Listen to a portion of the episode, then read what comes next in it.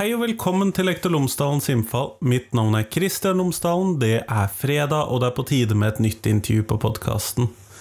Denne gangen snakker jeg med Mona Larsen Kjervold. Hun er miljøterapeut i, på en skole, og hun er en av de som er med på det nasjonale kravet om miljøterapeuter i skolen.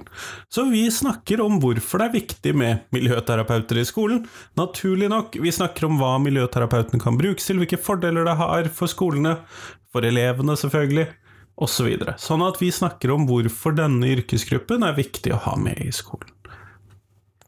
Ellers, podkasten er som alltid sponset av Cappelen Dam Utdanning, og hvis du går inn på skolen.cdu.no, så finner du alle de oppleggene, ressursene, oppgavene, undervisningsmateriell osv. som Cappelen Dam Utdanning har laget i forbindelse med fagfornyelsen i grunnskolen.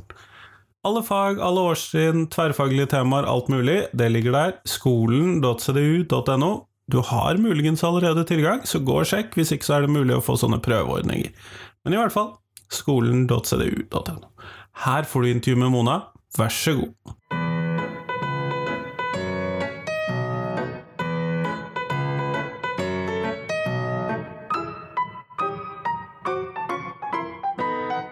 Mona Larsen, tusen takk for at du har tatt deg tid til meg i dag. Jo, bare hyggelig. Før vi starter selve intervjuet, så hadde jeg håpet at du kunne fortelle lytterne mine tre ting om deg selv, sånn at de kan få bli litt bedre kjent med deg. Ja, jeg er vernepleier og tar en master nå i relasjonsbehandling med eh, individualterapi som fordypning. Og jobber på skole. Har jobba på skole som miljøterapeut i snart 17 år. Um, bor på Forsand, ei lita bygd i Rogaland. Uh, har tre barn og bor på gard. Kjempeflott. Ja. Tusen takk for det. Og det er jo nettopp dette å være miljøterapeut, for du er en del mm. av et opprop om et nasjonalt krav til miljøterapeuter. Og hva er dette for noe? Eh, nei, hva er det, ja? Nei, det starta som ei sånn Facebook-gruppe med et opprop om å lovfeste miljøterapeuter i skole. Fordi at i 2020 kom det en ny overordna del i forhold til læreplanverket i skolen som inkluderte livsmestring og folkehelse. Da. Ehm, der at, eh, men det er ikke noen ting som tilsier at det er økte ressurser for å ivareta det temaet i skolen. Og da, ut av det så tenker vi da i opp, oppkravet da, til miljøterapeuter at det er viktig at skolens ressurser òg blir eh, større i omfang for å ivareta elevene og den psykiske helsa i forhold til livsmestring. Så det bunner nok i det. Um, men nå skal det være sagt at det ikke er jeg som har starta det oppropet, jeg heier meg ganske tidlig bare på. Fordi at jeg, jeg, engasjerer meg veldig i det og jobber mye med det. Og ser, um, og, og ser og hører hva lærerne på en måte og uttrykker at de trenger for å altså for å kompensere for det kravet som nå ligger i den nye eh, overordna delen. Samtidig som lærerne sier og påpeker jo at eh, livsmestring er jo noe de har jobba med og jobber med kontinuerlig. Men nå er det liksom blitt en del av rammene til skolen. Eh, og så føler nok, altså sånn som læreren uttrykker, at de nå må stå i mer komplekse eh, utfordringer enn de gjerne gjorde før. Og at det òg krever mer ressurser som har gjerne kompetanse på å ivareta den psykiske helsebiten, som, eh, som der er en utfordring, da vises det i, eh, blant barn og unge i dag. Mm. Men eh, når dere da skal Hva tenker du at miljøterapeuter kan bidra med særskilt da når det kommer til disse tingene her? Det er jo kanskje det viktigste her. Hva tenker ja. du at dere kan bidra med sånn Mm. Da må jeg, må jeg, nesten bare snakke ut av egen erfaring.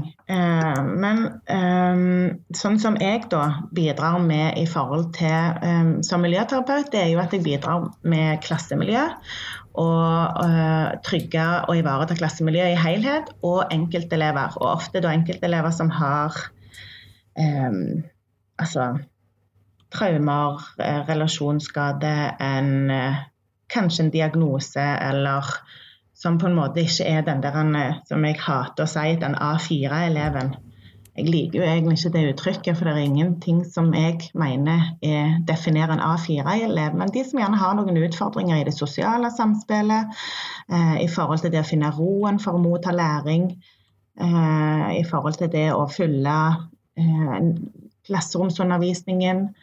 Eh, sånne ting kan jeg som miljøterapeut være med å bidra med for at eh, læreren skal òg få lære de andre elevene kompetansemålene i forhold til opplæringsloven da, eh, og kravene i læreplanene.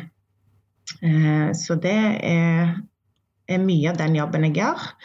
Eh, samtidig som jeg har og har hatt undervisningsopplegg i psykisk helse og noe som heter SPT, sosial persepsjonstrening, i forhold til å forebygge mobbing, ekskludering, trakassering og, og gjøre en bevisst Eh, på hvordan en er i lag med andre i relasjon til andre.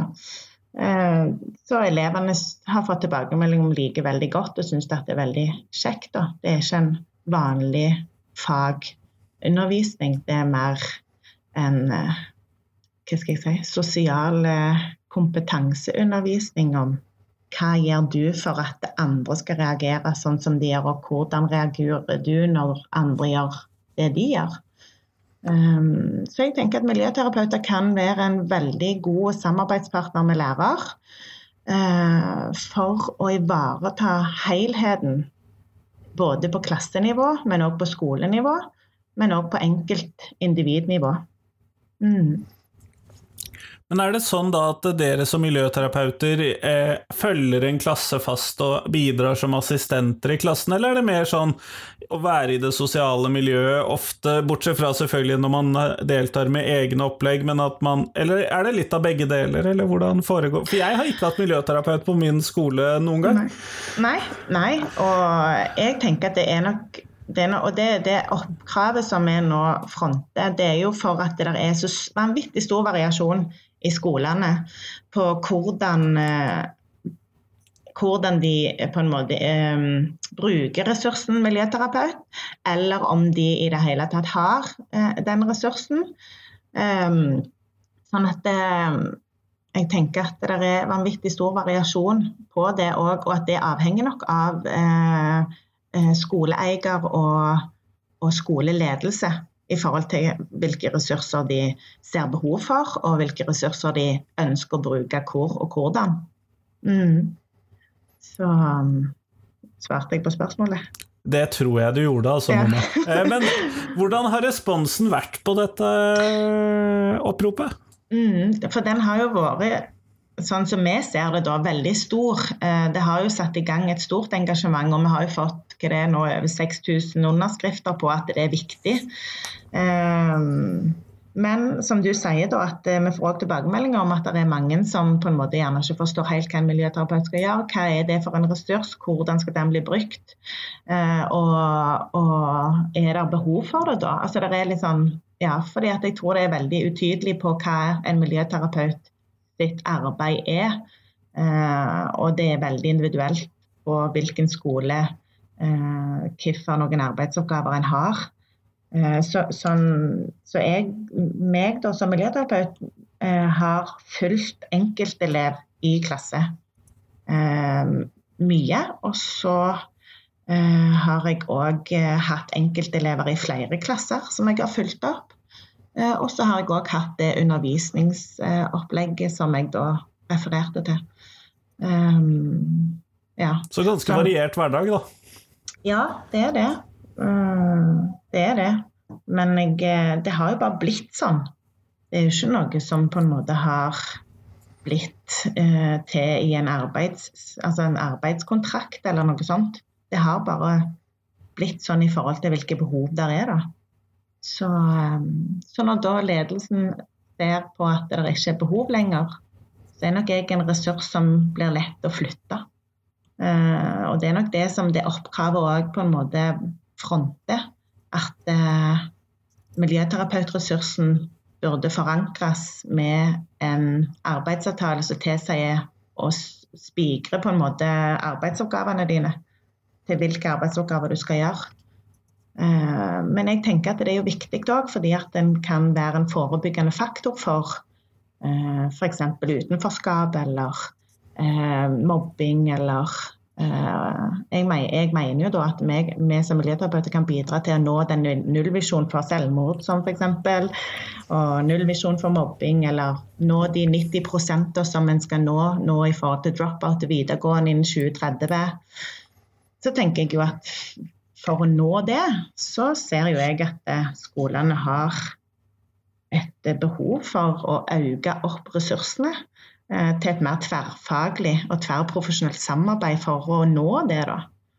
Um, for jeg tror ikke at, at ei profesjonsgruppe som jeg opplever allerede føler det er svært krevende å stå i en skolehverdag jeg ser ikke helt at de kan bidra med det helt alene.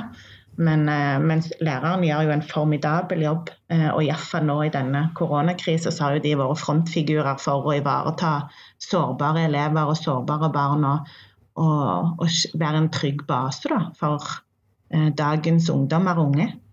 Um, men så ser en jo alle skrivene og alt dette at det jo Det koster jo, og det har vært krevende.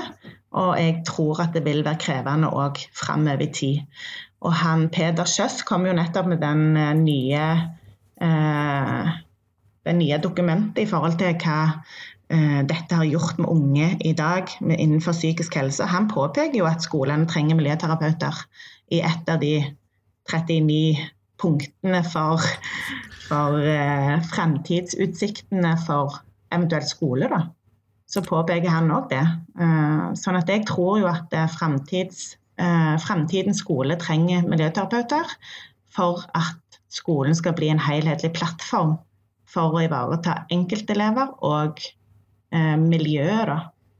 Så, og at lærerne skal slippe å føle seg så alene i å stå i komplekse situasjoner som, som som samfunnet nå ilegger skolene, føler jeg, i rammene til skolen til at de skal håndtere. Og så opplever de som skal håndtere det, at ja, men dette kan ikke vi, hva er det som forventes? Uh, og så blir det på en måte en litt sånn skvis, da. Så mm. Men uh, har dere gjort noen tanker om dette er et størst behov i uh, grunnskolen, barneskolen, ungdomsskolen, eller om det er i videregående, eller hvor mm. er det dere har, har dere gjort dere noen tanker om det? Um, vi har snakket om det òg, at det bør jo være miljøterapeuter f.eks. som er samarbeidspartner med lærere fra første klasse av. Um, for å forebygge, um, men òg for å videreføre den uh, jobben som er gjort i barnehage. For de har jo hatt et fokus på dette med psykisk helse og livsmestring lenger enn skolene har. Um, sånn at For at vi skal på en måte videreføre den jobben, så, så ser vi at det er et behov for det allerede i første klasse men òg eh, videre opp på hele grunnskolen, ungdomsskole og, og, videregående for å på en måte forhindre nå dette med at de dropper ut av videregående og at de får den fullføringskapasiteten. Men òg at, eh, at, vi kan være på en måte en ressurs for lærere i forhold til hvis det er kriser som oppstår, eller hvis det er elever som er sårbare for å utvikle psykisk uhelse, så har vi på en måte kompetanse til å gjerne gå inn med tidlig innsats eh, for å ivareta elever som, som er i den sårbarhetsgruppa. Eh, men òg for helheten, for miljøet sin del, så vil jo vi som en miljøterapeutressurs eh, bidra i lag med lærerne til å skape et trygt og godt skolemiljø for alle elever. Eh, så jeg ser jo at eh, behov for miljøterapeuter burde vært i alle ledd som en samarbeidspartner til lærere per trinn. da per klasse, kanskje, men det er jo et ressursspørsmål som sikkert koster, koster mye penger. Men nå har jo jeg og skrevet denne masteroppgaven min og sett at uh, psykisk uhelse koster samfunnet ikke det, 60-70 milliarder kroner i året. Det er den største utgiftsposten som samfunnet har. Uh, sånn at jeg tenker at Det er jo alltid hvordan jeg velger å sette inn ressursene. da.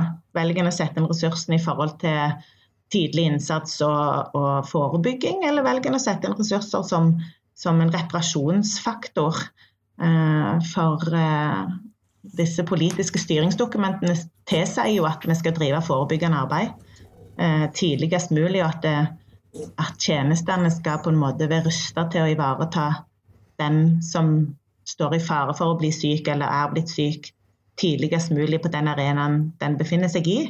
Det gjelder jo òg skole. Så ja, det er vel billigere å lønne deg i noen år heller enn å skulle betale for noen som ryker ut på en uh, smell pga. psykisk uhelse senere. Mm, mm, jeg, ja, jeg ser òg sånn Ja, på det som en, en uh, besparelse, og ikke bare mis, altså, men for livskvaliteten for den det gjelder. Sant? Altså skal den Den burde jo fått på en måte um, hjelp til å stått i det som eventuelt er vanskelig, da, med en trygg voksen for å på en måte ikke måtte li for det seinere i livet.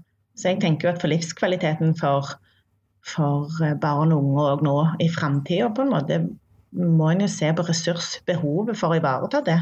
Og iallfall i forhold til den krisen vi har stått i nå med den pandemien. For jeg tror jo at, det, at skolene har blitt bevist Barnehage og skolene har jo blitt bevist nå at det har vært en arena for uh, det sosiale, det mentale utvikling, for uh, samhørighet og tilhørighet. Og ikke bare faglig utvikling og kunnskapsutvikling, men en kjempeviktig arena for tilhørighetsfølelse eller for å kjenne at en er en del av noe som er gjerne større enn en sjøl.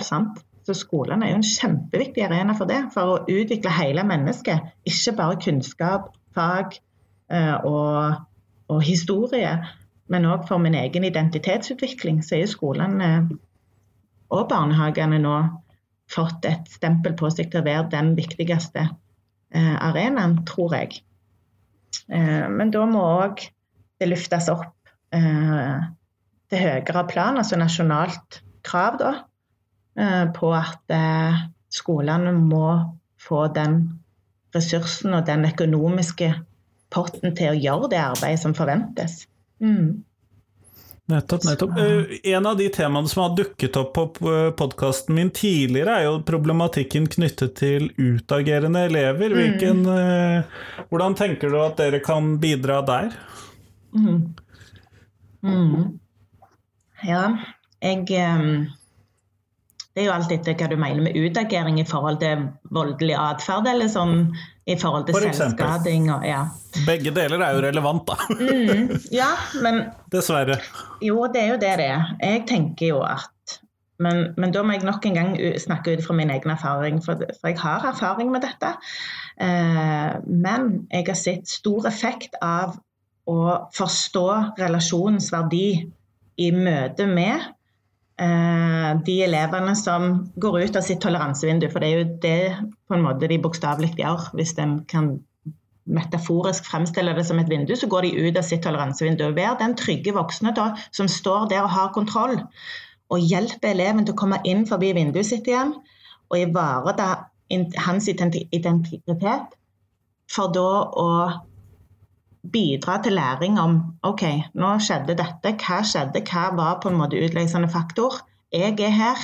Jeg tåler dette som voksen. Hva kan vi gjøre neste gang for at dette ikke skal skje? Og På den måten skjer jo læringen i form av, av uh, å gjenvinne den kontrollen og regulere seg sjøl. Fordi at en utagerende elev mister jo selvreguleringen sin. Eh, som fører til at han går ut av det vinduet. Og Det er der læring skjer, når vi som voksne klarer å hjelpe til selvregulering. Og Da må jeg som voksen vite hvordan jeg regulerer meg, og hvordan jeg møter deg, for å ivareta din selvregulering og lære deg til at neste gang du står i en lignende situasjon, så klarer du på en bedre måte å regulere deg sjøl ned, så du ikke går ut av vinduet ditt så fort. Men dette krever jo lang tid. Det er, dette er ikke gjort på um, altså åtte uker, så er du fikst, liksom. Det er ikke sånn det virker. Eh, for jeg fikk spørsmål om det en gang her av en, eh, av en Spesped-koordinator som sier jo til meg at ja, hvor lang tid tar det å fikse dette? Så sier jeg det har jeg dessverre ikke eh, svaret på.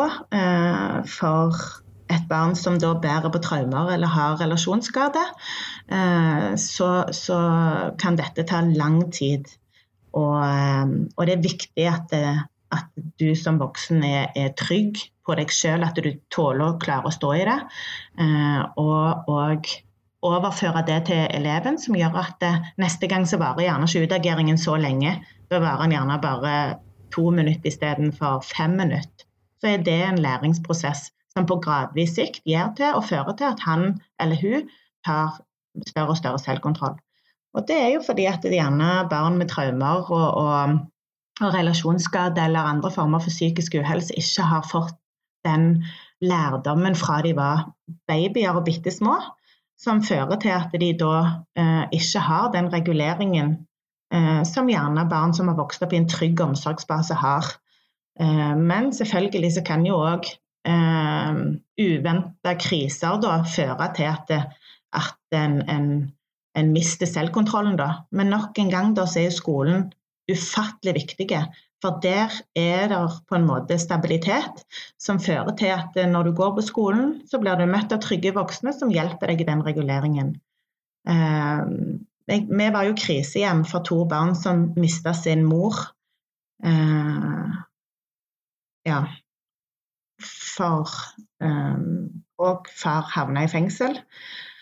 Eh, og hvor viktig det var for de barna å gå på skolen som en normal ting i en sånn en krise.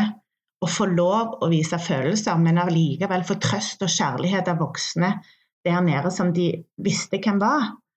Eh, det har jo ført til at de nå har bevart selvreguleringen, selv om de var gjennom en ufattelig krise som har ført til at de nå har klart å gjennomføre videregående skole, eller klart å, å, å fortsette på en måte å være gode, gode samfunnsborgere da, i, i, hermetegn, eh, og leve med den krisen som de var gjennom. Og det tror jeg nettopp er derfor. Fordi at eh, skolen var den trygge fundamentet.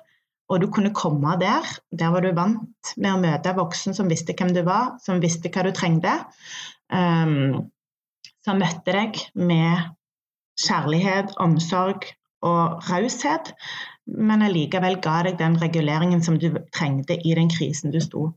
Uh, og, og, det tror jeg jo er i forhold til barn som er fosterbarn, da. Uh, det samarbeidet som du har med barnevernstjenesten, med psykisk, helse, altså psykisk helse, da, BUP, uh, og, og, skole og heim, det er avgjørende for utagerende atferd eller uh, dette med selvmordstanker og psykisk uhelse, selvskading, for å på en måte hjelpe den som, som står i midten av dette. Mm. Det er noe med å legge til rette for at man kan uh, bygge opp den mm. resiliensen i livet. Stemmer det. Det er Jeg har plukket opp noen begreper underveis. jeg har skrevet om resiliens i masteroppgaven min, så dette er innafor det. Og jeg tenker jo at det er jo den, den elastisiteten som på en måte livet Altså livet pulserer jo, sant. Du aner jo ikke hva som skjer. Men, men skolen er en så stor del av livet uh, at den trenger òg å ivareta deg og din mentale helse, samtidig som du utvikler deg for å da bli uh, bli det potensialet som du har i deg til å bli, da, sant? og få det yrket du ønsker å bli som en god samfunnsborger blir en delaktig del av samfunnet. Men, men jeg tenker jo at det, det, det her er ikke det, det, er to løp. altså Det går på en måte, det smelter litt sammen. Det er ikke sånn at vi kan ta fag og faglig utvikling, og så har du òg den mentale helse helseutviklingen. Dette her er så avhengig av hverandre. Uh, og det er det som skaper den helheten.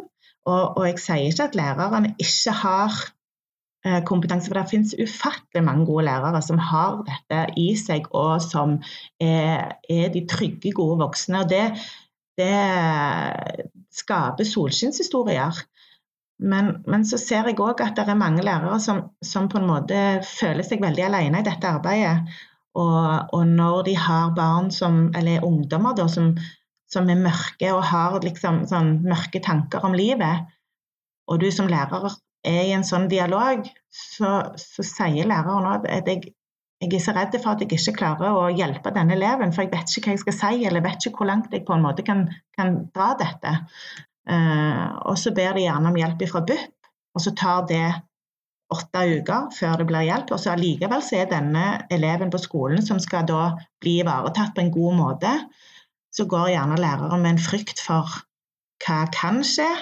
Eh, og så er det ingen sparringpartner der som på en måte kan være med og bidra til at eh, denne relasjonen blir så god og så trygg for denne eleven, som fører til at, det, at han kommer seg ut. Altså han blir mer motstandsdyktig mot disse tankene. da. Men òg ivareta lærerne, altså laget rundt lærerne, for at den læreren skal kunne klare å stå i jobben videre. Sant? Det er jo kjempeviktig, tenker jeg.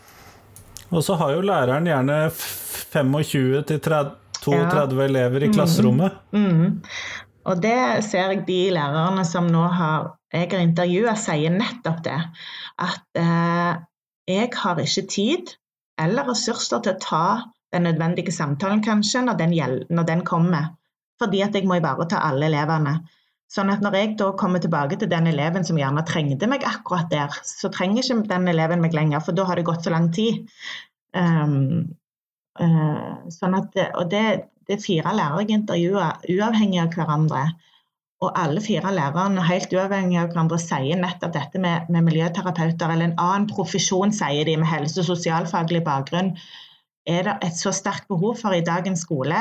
Eh, og, og hun ene sa at det må løftes opp på et nasjonalt plan for at de skal forstå at eh, for at vi skal klare å stå i den kompleksiteten samfunnsutfordringen i forhold til psykisk helse er i dag, så må det være noen som kan stå i lag med oss med det. Um, ja. Men, um, ja, for hvilke yrkesgrupper er det dere har tenkt på som kan være dette laget rundt eleven? Mm. Eh, nei, men det, det, er jo sosionomer, barnevernspedagoger, lær, eh, disse førskolelærere, eh, vernepleiere. Ja. Det er de som har en bachelor i sånn treårig høyskoleutdannet, men helst burde det jo vært et krav om en videreutdanning i sosial kompetanse. Men jeg tenker at, jeg tenker at en en treårig høyskoleutdanning med en bachelor innen de områdene der har en annen forforståelse for psykisk helse eller psykisk uhelse. Da, kan møte det på en annen måte og kompensere for gjerne det lærerne føler de ikke har kompetanse på. Samtidig så har jo ikke jeg kompetanse på, på fag og, og, dette med læring sånn i rent faglig forstand. Sånn at her ville jo vi kompensert for hverandre. sant? Så Det er det jeg mener er viktig at eh, for å ivareta lærerne, men òg bygge et lag rundt elevene, så kreves det at eh, flere fagprofesjoner jobber sammen. Um, jeg tenker sånn som på sykehus, da, Et sykehus det er ikke bygd opp bare av leger. sant? Det Nei, det tror jeg ikke ville funket godt. Nei, det ville jo ikke funket godt. Men, men si det, hvis du tar en sammenligning med skole og sykehus. Hvis læreren er legene, så har jo legene både anestesisykepleiere, og de har eh, disse vet ikke hva det heter engang, vet du, sånne sykepleiere som hjelper de, operasjonssykepleiere. De har mange typer ulike eh, måte profesjoner som har en, en, spesialutdanning innen et felt for at en operasjon skal gå bra. Og der tenker jeg, På skolen så, så blir det på en måte den, den samme greia, da, at lærerne står der som som de som er frontfigurene. For det at lærere, altså lærere er jo skolens fremste profesjon. Men for at lærere skal være gode lærere og møte den enkelte elev, så kreves det òg at det er eh, samarbeidspartnere for at det bidrar til helheten for den enkelte eleven. Uh, ja. Det var gjerne en digresjon, men Og jeg tror ikke det er en digresjon, altså sånn reelt sett.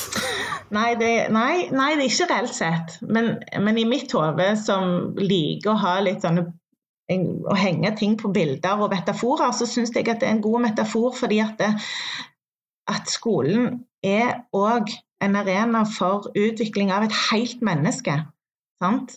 For å ivareta alle delene av et menneske, så, så kreves det òg samarbeid fra de som skal ivareta det mennesket. Uh, og ikke bare da i form av en profesjonsgruppe.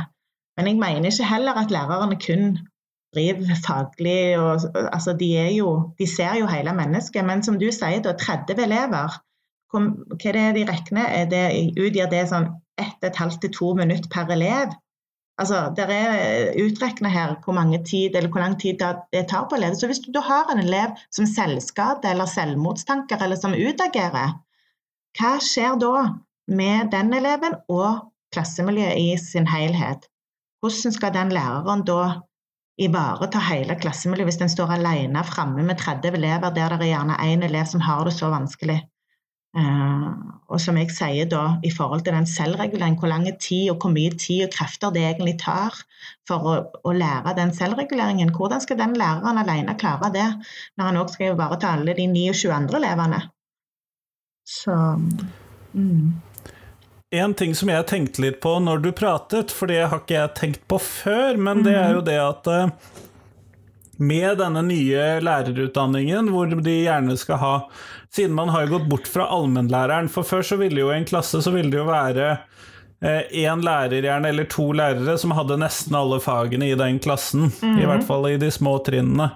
Men siden man nå da har gått litt bort fra allmennlæreren, og mm. man skal gjerne ha en faglig fordypning i de fagene man underviser i, mm. så tenker jeg jo at hvis man hadde da en miljøterapeut som eh, fulgte klassen hele dagen mm. mens lærerne byttes ut, så ville jo det kanskje være med å skape noe av den tryggheten mm. som er nødvendig i skolen. Men det var en mm. tanke jeg gjorde meg nå, så jeg, ja. hva tenker du om det? Det er det er kult du sier det, for hun, Linda som er med i oppropet Vi har ei som Linda som er med. Hun er mm, førskolelærer eh, som jobber miljøterapeut på skole. og Hun sier akkurat det. At eh, jeg skjønner jo Altså jeg vet jo gangen i skolehverdagen til klassen, men lærerne byttes ut. Sånn at jeg aner jo òg hvordan det emosjonelle er, og dynamikken er i en klasse. Sant? Sånn at når, den, den, når, læreren kommer inn og skal ha matte, f.eks., ikke har vært i den klassen før, og det har vært en konflikt tidligere på dagen, så har jeg tråden i den, sier hun, og kan på en måte være med og bidra til at de lærer seg matte for å ivareta de elevene som gjerne har vært i den konflikten, kanskje, eller hatt en utfordrende dag, eller hva det måtte være. Um, og kan sammen med den læreren da, uh, som da skal ha matte, f.eks., bidra til at det, det trygger gode læringsmiljø for den timen. Så det som du sier, at det er kjempeviktig at en har en, en uh, kontinuitet i, uh, i voksenrollen i klassen. da. Uh, som kan være en miljøterapeut som følger en klasse på dagsbasis og, og, gjerne over mange år. sant? Ehm, så, og spesielt for de små elevene som kommer fra barnehagen når de starter i dag på skolen når de er seks år. Så, så er det en stor overgang eh, fra barnehage til skole, der du skal sitte mye i ro kanskje og lære mye. Og så, ha noen som på en måte er med deg i alle ledd. Det tror jeg er absolutt viktig. Eh, og, og, viktig poeng å få fram. Mm. Og det hun Linda er veldig på det at eh, den kontinuiteten det er å være en trygg voksen over, over tid i en klasse. Eh, hva det skaper for et trygt og godt skolemiljø, eller klassemiljø. Mm. Kjempeflott, Mona. Vi mhm. går mot slutten av podkastintervjuet, og da skal ja. jeg stille deg det samme spørsmålet som jeg stiller til alle jeg intervjuer. Og hva er de tre viktigste tingene som skolen lærer elevene? Ja. Jeg da, men da, ut fra hva jeg mener, da, sant? Da mener ja, jeg ja. For jeg mener de, de tre viktigste tingene er, eh, er altså selvverd, den identiteten. Hvem er jeg i møte med samfunnet? Det er én viktig faktor en lærer. Eh, og den å finne sitt eget potensial. Sant? Hva liker jeg å gjøre? Liker jeg matte, liker jeg norsk, liker jeg skriving, liker jeg naturfag? Er en kjempeviktig del av det å være på skole og læring. Eh, og òg det sosiale. Hvem er jeg i møte med andre, og hva er det jeg kan på en måte bidra med det sosialt for å, å spre glede, eller for å, å, gjøre andre gode samtidig som jeg gjør meg sjøl godt. Så jeg tenker at det, med, det er tre viktige, kjempeviktige faktorer for, for helheten av den utviklingen et menneske skal gjøre gjennom. Ja. Kjempeflott. Tusen takk for at du tok deg tid til meg i dag. Jo, kjekt å bli intervjua av deg.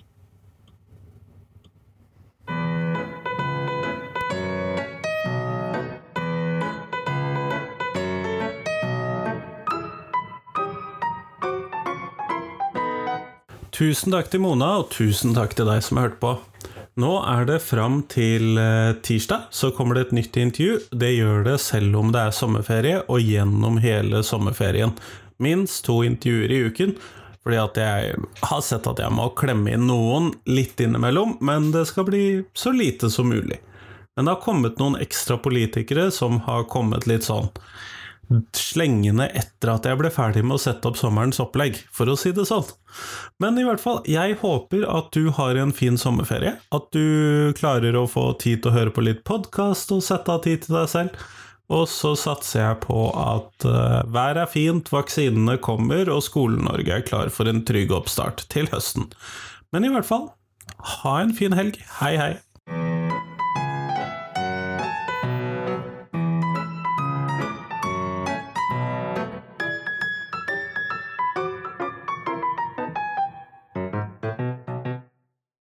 Husk det at du kan gå inn på iTunes, podkaster andre steder, og så rate podkasten. Det blir jeg kjempeglad for. Gjerne full pott, selvfølgelig. Men vi høres!